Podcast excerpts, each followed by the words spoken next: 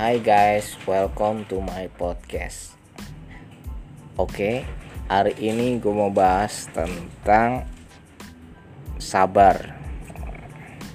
Jadi materi kali ini gue mau bahas tentang sabar yang hakiki. Oke guys, kalau lu misalnya karir lu mentok, karir lu itu itu aja gitu terus tiba-tiba lu lihat ada orang baru masuk tempat kerja lu terus langsung menempati posisi di mana posisi itu adalah incaran lu. Alasannya kenapa?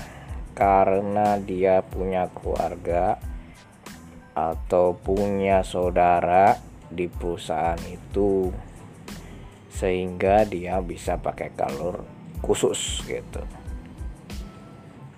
Nah, ada satu kata buat lu. Sabar, Cok. Gitu.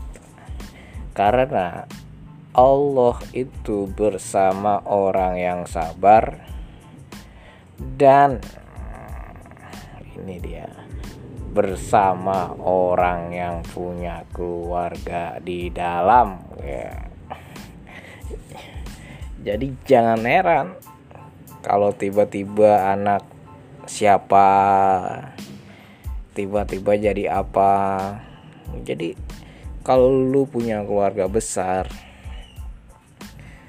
lu seperti kereta bisnis coy.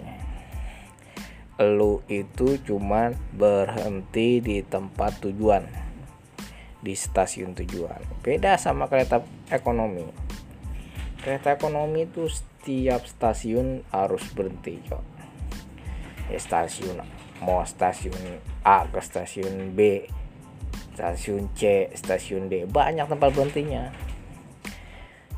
Jadi intinya apa? Intinya kalau lu merasa diri lu karirnya mentok jangan naik kereta ekonomi. Itu aja dari gua. Ya selamat malam. Salam buat kawan-kawan tetap sehat. Kembali lagi di podcast gua yang gak unfaida ini.